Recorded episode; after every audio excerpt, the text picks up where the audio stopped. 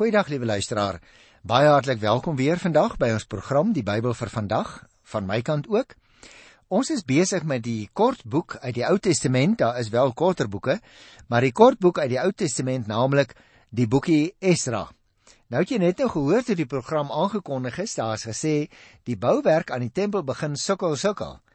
Want jy moet nou onthou, Op hierdie stadium het hulle omtrent al 2 jaar gewerk aan die fondamente en die fondamente was nou voltooi en hulle het groot feeste gehou. Daaroor het ons die vorige keer gepraat, maar nou tot jou halwe ontsteltenis kom die bouwerk nou ewe skielik weer tot stilstand.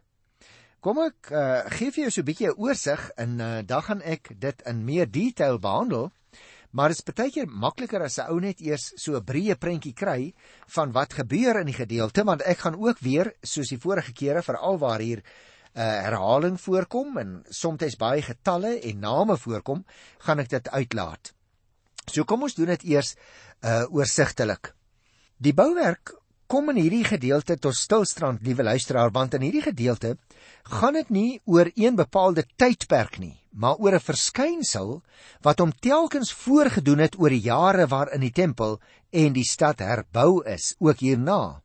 Byvoorbeeld in die eerste 5 verse en ook in vers 24 gaan dit oor die tydperk van Kores tot Darius en hoe die bouwerk aan die tempel in daardie tyd tot stilstand gekom het. As jy nou die ding mooi ontleed dan sien jy byvoorbeeld in vers 6 tot gaan dit oor 'n later tydperk.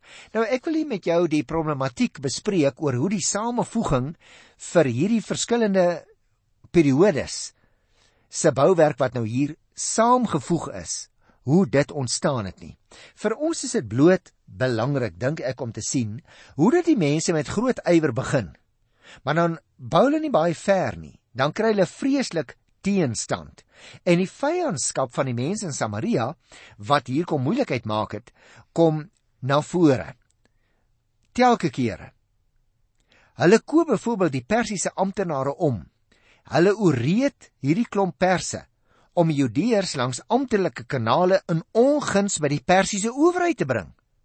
Hulle probeer byvoorbeeld ook die Judeërs bang maak en hulle ontmoedig om die werk voort te gaan. Nou natuurlik, op die kort termyn slaag hulle wel telkens daarin om die werk tot stilstand te laat kom. Die belangrikste in hierdie gebeure lyk vir my is egter dat die Judeërs nooit kop gegee het vir hulle vyande nie. Hulle bly by hulle oorspronklike opdrag staan. Hulle is wel later gelyk gegee en kon uiteindelik die werk voltooi wat die Here deur Kores aan hulle opgedra het. Ons, liewe luisteraar, moet ook as Nuwe Testamentiese gelowiges op ons hoede wees vir vals hulp vir skyngodsdiens by ander mense wat op die lang duur God se werk ondermyn. Maar mag ek myself onderbreek? Ek het gesê en reg ook skyngodsdiens en vals hulp by ander mense. Maar liewe luisteraar, ons moet ook voortdurend ons hand in eie hart steek dat ons nie dalk die vinger na ander wil wys nie. Want wie wat? Jy en ek is mos net so traag in die bouwerk waartoe die Here ons geroep het. Of ons nou letterlik fisiese bouwerk in 'n gemeente het vir die oprigting van 'n gebou. Of byvoorbeeld aandeel het aan die manier waar 'n radiosendstasie opgerig moet word. Dit val mos nie uit die hemel nie. Want jy sien party mense sê ons moet net met die geestelike werk besig wees. Ons wil nie ons wil nie ons bemoei en ons wil ook nie gee vir werk van steen en klip nie. Maar die twee goed, liewe luisteraars, staan nie teenoor mekaar nie. In ons dag nie en destyds ook nie. Jy kan nie altyd in normale omstandighede die geestelike bouwerk goed en na wense verrig as jy nie ook bepaalde fasiliteite het nie. Net soos by die maak van 'n produksie om radioprogramme oor die eter te stuur. Daar is bepaalde mense o ja maar daar is ook bepaalde fasiliteite nodig om dit te kan doen. En daarom is dit vir my wonderlik dat ten spyte van die teenstand om die gebou opgerig te kry en herstel te kry in Jerusalem is die ding wat hulle voor oog gehad het die geestelike bouwerk. Daar is 'n duidelike verband gesien tussen wat hulle besig is met die fisiese en die geestelike aspek daarvan. En daarom, liewe luisteraar, wie volhard tot die einde toe, sal immers die kroon van die lewe ontvang. Gaan kyk maar in ja Jakobus 1 vers 12 en Openbaring 2 by die 10de vers. Nou goed. Kom ons kyk hierso so 'n bietjie meer indringend na sekere van die verse. Ek lees by Esdra die 4de hoofstuk, die eerste vers. Vyande van Juda en Benjamin het gehoor dat die ballinge besig is om die tempel te bou vir die Here, die God van Israel. Nou kom ons gesels daaroor want jy sien wat hier genoem word die vyande van Juda en Benjamin is natuurlik dieselfde as die ander bevolkingsgroepe van die land van wie ons lees in hoofstuk 3 by die 3de vers. Daar was dus verskillende mense wat die werk teëgestaan het. Byvoorbeeld in vers 10 word die vyande geïdentifiseer as die inwoners van Samaria of die Samaritane, soos hulle ook genoem is. Hulle het met verloop van tyd ontstaan uit 'n vermenging van die Israeliete van die Noordryk van Israel en die immigrante wat deur die Assiriese konings daarheen gebring is. Uit 2 Konings 17 byvoorbeeld blyk dit ook dat hulle die Here vereer het en uit Jeremia weet ons dat die inwoners van die voormalige Noordryk na die tempel toe gekom het om daar te offer. So ons moenie dink dat almal wat in die Noordryk gewoon het voor die groot ballingskap van 722 van die Noordryk en ook nog voor die ballingskap van 586 voor Christus dat al die mense uit daardie gebiede noodwendig vyande was nie.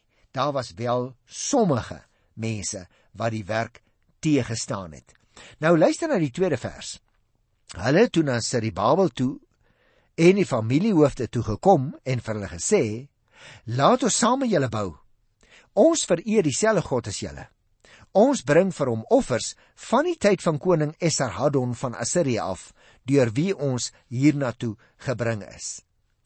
Het jy opgemerk, liewe luisteraar, omdat die herbou van die tempel om politieke en godsdienstige redes vir hulle belangrik was, bied hierdie mense aan om te help. Hulle sê ons vereer immers dieselfde God as Siribabel en sy kollegas. Hulle beroep hulle dus op die feit dat hulle sedert die tyd van die Assiriese koning Esarhaddon aan God, die ware God, offers gebring het. En daarom wil hulle nou graag ook die Joodse leier, Siribabel en die ballinge wat saamgekom het uit Babel help om die tempel te herstel. Vers 3, 'n interessante stukkie. Maar Siribabel en Yeshua en die ander familiehoofde van Israel het vir hulle gesê: Julle bou nie saam met ons die tempel van ons God nie. Ons alleen sal vir die Here die God van Israel bou. Ons het die opdrag van die koning self gekry, koning Kores van Persië. Nou liewe luisteraar, hier begin nou die spanning. Want jy sien Seribabel en Yeshua weier hulle deelname om godsdienstige en wetlike redes. Die Jode sou die tempel alleen bou. staan hier. Ten eerste natuurlik omdat die Samaritane deur hulle as godsdienstig onrein beskou is. En tweedens omdat die vergunning van Kores net aan die Joodse ballinge gegee is. Nou ons het nou al hierdie uh, proklamasie gelees en nou kry ons die verskynsel dat die Jode wat teruggekom uit Babel, hulle self so 'n bietjie mag ek dit in Engels maar sê, so 'n bietjie holier than thou beskou het. Hulle het gedink ons was daar in Babel, party van ons amper 70 jaar. Ons het die besnydenis gehandhaaf, ons het die wet gehandhaaf, ons het baie swaar gekry en hierdie mense was nie sulke suiwer wetsonderhouers nie. En nou begin die probleme ontstaan. Jy sien nadat die hulp geweier is, lees 'n mens nou hier van die 4de vers af. Ek het dit nou nie gelees nie, maar dit staan daar. Het die Samaritane die volk moedeloos en bang gemaak staan daar. Moontlik met dreigemente, want dit word nie gesê waarmee nie. Moontlik met dreigemente, moontlik met pogings wat om dit wat alreeds gebou was, naamlik die fondamente, weer af te breek. Ons lees in vers 4 en 5, hulle het ook Persiese amptenare omgekoop om berigte van rebellie en opstand aan koning Kores daar in Babel te stuur ten einde die bouwerk aan die tempel te verhinder. Hoe hartseer is dit tog? Omkopery van Persiese amptenare het dikwels voorgekom in daardie tyd. Deur die inmenging van die Samaritane het die bouwerk dus tot stilstand gekom en dit het voortgeduur van Kores af tot in die regeringstyd van Darius. Nou dit is 'n lang tyd, liewe luisteraar, want onthou, die edik om die tempel te kon herbou is uitgevaar in die jaar 539. So as 'n mens nou dink, dit het voortgegaan tot 522 dan beteken dit vir 10, 15 jaar het hierdie werk nou begin stil staan. Die arme ouens het wel van tyd tot tyd ehm um, probeer, maar dit het nie regtig gehelp nie. En nou kom 'n mens hier van vers 7 tot by vers 11 in Hoofstuk 4. Ek gaan net 'n stukkie daarvan lees en dan gaan ek vir jou die geskiedenis so 'n bietjie vertel.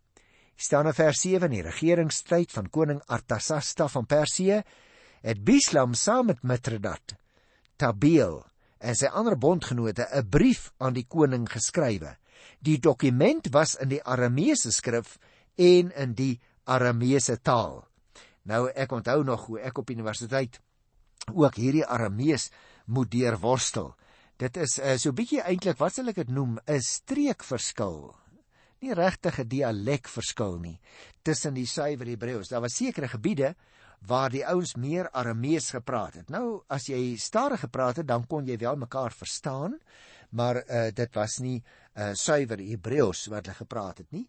Tussen hakies is baie waarskynlik dat die Here Jesus ook aramees gepraat het, want as 'n mens luister na wat hy sê aan die kruis, uh sy woorde wat hy gebruik, dan is dit arameese woorde en nie suiwer Hebreëus nie. En daaruit word dan afgelei dat die Here Jesus Christus se omgangstaal wat hy gewoonlik gepraat het, ook Aramees was. Nou wat gebeur hier? Hierdie mense begin nou om 'n brief te skrywe. Die inhoud van die brief lees ons wat in Aramees was, die algemene uh, voertaal ook van die Persiese ryk in daardie tyd. Daardie inhoud word nie presies vir ons gesê nie.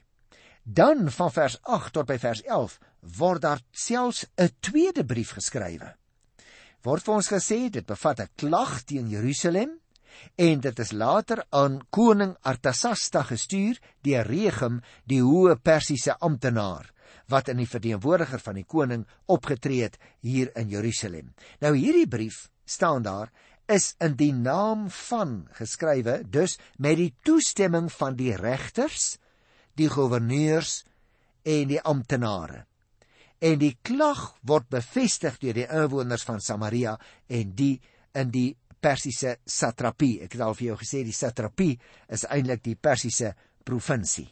Met ander woorde, liewe luisteraars, die baie ongelukkige gebeure wat ons hier kry, is dat mense begin om direk briewe te skrywe, eintlik klagskrifte aan die koning daar ver in die buiteland en die klag gaan dan oor die opbou van Jerusalem se mure.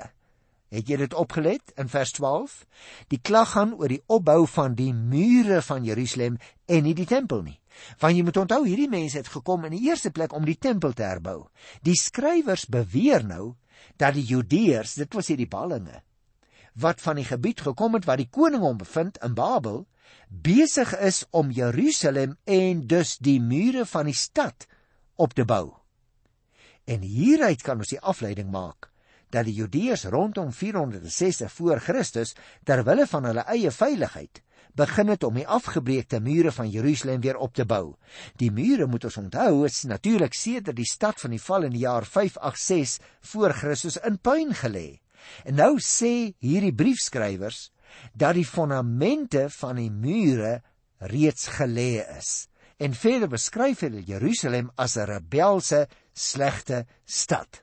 Nou moet ons onthou, aangesien die Persiese ryk in die ryk verskeie opstande beleef het, sou so 'n uitlating die koning dadelik na sy asem laat snak het en nou sy sy sou dadelik tot aksie kom om dit te stop.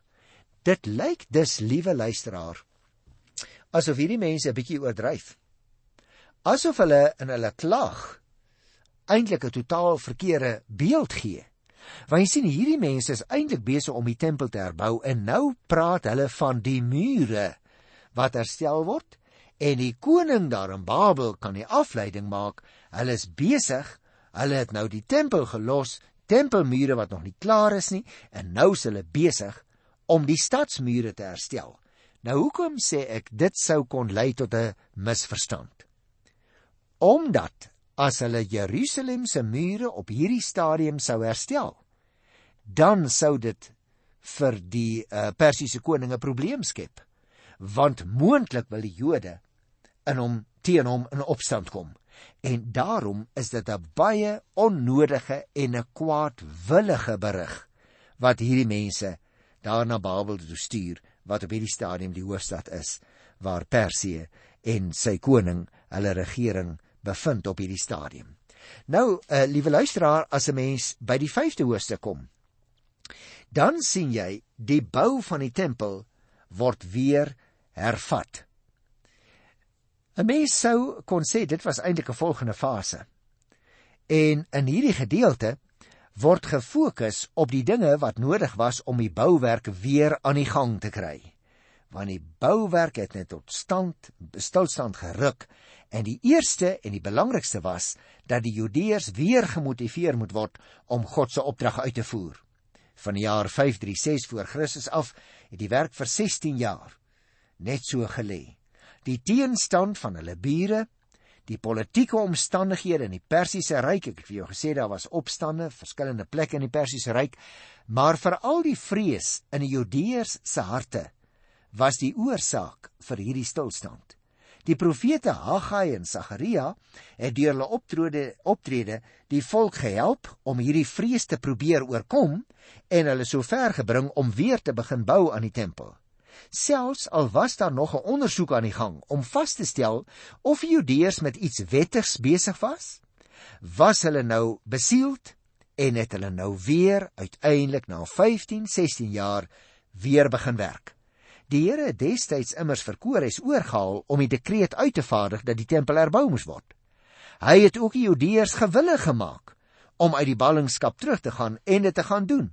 En net so motiveer die Here nou ook deur die woorde van die profete die Judeese leiers om die werk te hervat en die Here self beskik dit dan so dat hulle toegelaat word om met die werk te kan voortgaan tot tyd en wyl die ondersoek afgehandel is. Nou, eh, kom ons lees hierso byvoorbeeld vers 3 en 4 uit hoofstuk 5, want ons kry hier interessante gegevens. Hier kom nou 'n navraag. Toe het gouverneur Tatanai van Wes-Efraat en hulle bondgenote na die Judeërs toe gekom en hulle gevra: "Van wie het julle opdrag gekry om die tempel te herbou en sy temerasie voort te sit?" Verder het hulle gesê: Wat is die name van die manne wat die gebou herstel?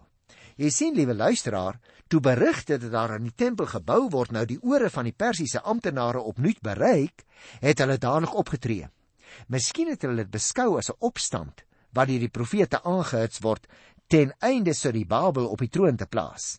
Nou moet 'n mens verstaan, omdat die Persiese ryk deur baie opstande geskit is, moes hulle die saak dringend ondersoek.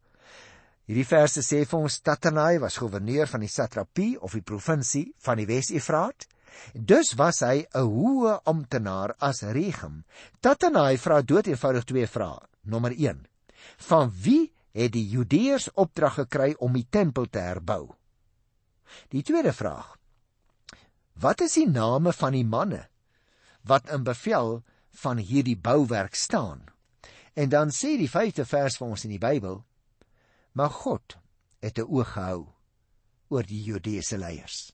En die werkers is toegelaat om aan te gaan tot tyd en wyl daar aan Darius verslag gedoen is en daarvan hom 'n beslissing oor die saak verkry is. Is dit nie wonderlik nie dat hier is nou moeilikheid makers. Hulle probeer die werk stop. Maar die Here werk in die hart hier en daar selfs van 'n amptenaar.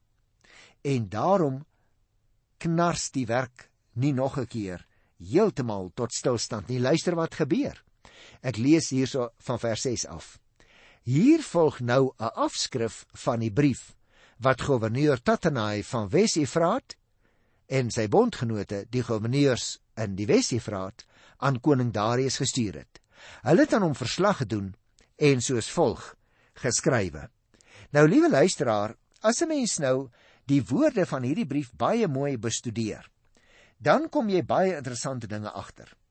Hierdie brief wat nou aan Darius gestuur is en wat net so deur die kronikus aangehaal word, is vir ons 'n steen van bemoediging. Met sy verwysing na die groot tempel sin speel Tatanai nou daarop dat die tempel as 'n fort gebou word en dus die moontlikheid van opstand skep. Maar nou ja, liewe luisteraar, mense se woorde en mense se optrede is nooit die laaste woord wat gespreek word nie. Want luister na vers 17. As die koning dit dan nou goedvind, laat ondersoek doen in die koninklike argief daar in Babel en stel vas of dit so is dat koning Kores opdrag gegee het dat hierdie tempel in Jerusalem weer gebou moet word. Laat ons aan weet wat die koning se beslissing is. Nou as 'n mens so vinnig deur die Bybel blaai, liewe luisteraar, dan wil hierdie vir jou nou baie baie deurmekaar lyk. Want briewe wat geskryf is, mense wat in opstand kom, Maar wat nou interessant is en dit is hoekom ek net nou gesê dit is eintlik vir ons 'n woord van bemoediging en 'n stuk uh gebeurtenis wat vir ons kan moed gee. Want op 'n stadium, vertel die 17de vers, word daar nou gesê, maar wag nou 'n bietjie. Laat ons ons nou net steur aan hierdie briewe nie. Kom ons gaan 'n bietjie terug in die argiewe. Kom ons gaan kyk wie die opdrag gegee. Maar ek wil nie nou al die hele geheim uitlap nie liewe luisteraar. Want jy gaan nou in die volgende gedeelte hoor hoe dat hulle teruggaan in die argiewe. Hoe dat hulle die oorspronklike proklamasie van koning Kores gaan opdiep na al die dekades. En hoe dat die werk uiteindelik tog weer sal voortgaan wanneer die perse vir hulle self sê maar as ons groot koning Kores die edik uitgevaardig het, dan bou die Jode mos met toestemming wat voor ons tyd al gegee is. En daarom uh, gaan ek die hoofstuk hier laat. Maar wil ek graag op 'n baie belangrike aspek wys voordat ons afsluit, liewe uh, luisteraar. Want jy sien, geskrewe dokumente speel 'n baie belangrike rol in die boekie Esra. Hulle bepaal uiteindelik wat gedoen mag word en wat nie. Die Judeërs laat hulle elke keer lei deur wat geskryf staan veral in die wet van God. maar terselfdertyd aan die ander kant, die klomp ongelowiges daar in in Babel, naamlik die Perse wat Babel verower het, nê? Nou is die ou groot Babylon is nou die Perse se eiendom. Daardie mense laat hulle ook lei deur wat geskrywe is. Ook in hulle annale is daar hierdie afskrif van die proklamasie van hulle groot koning Kores. En daarom die oomblik as hulle ook in die geskiedenis teruggaan en hulle lees die ou geskrewe bronne nog 'n keer, dan gebruik die Here dit sodat die bou van die tempel uiteindelik kan voortgaan. Wat die Jode betref in Jerusalem, die wet van God is vir hulle die hoogste gesag. Dit word van toepassing gemaak op die lewe van die gemeente en dit bepaal uiteindelik die gedrag van elke lid van die geloofsgemeenskap. En liewe luisteraar, ek wil dit voordat ek afsluit baie baie graag vandag weer 'n keer onderstreep. God se woord, die Bybel, soos ons hom vandag ken. Dit moet die grondslag wees van jou en van my geloof en van ons lewe elke dag. Ons moet ons daarop toespits om die Here se woord te hoor daaroor na te dink en dit ook te doen. En hoekom sê ek dit vir jou? Omdat ons program se naam is die Bybel vir vandag. En daarom aanvaar ons ook in ons program die gesag van die woord van die Here, soos dit vir ons opgeteken is in die Bybel, onvoorwaardelik. Dit is 'n historiese boek luisteraars. Hy het 'n besondere wordingsgeskiedenis gehad. En hier lees ons in die boekie Esdra hoe belangrik die wording byvoorbeeld ook was van die proklamasie. En daarom raadpleeg jy en ek nie die nuutste uitgawes van skeibrekers en mense wat nie die gesag van die Bybel aanvaar nie. Ons gaan terug na die boek toe. Dit is ons fondament. Ek groet jou in die wonderlike naam van die Here tot volgende keer. Totsiens.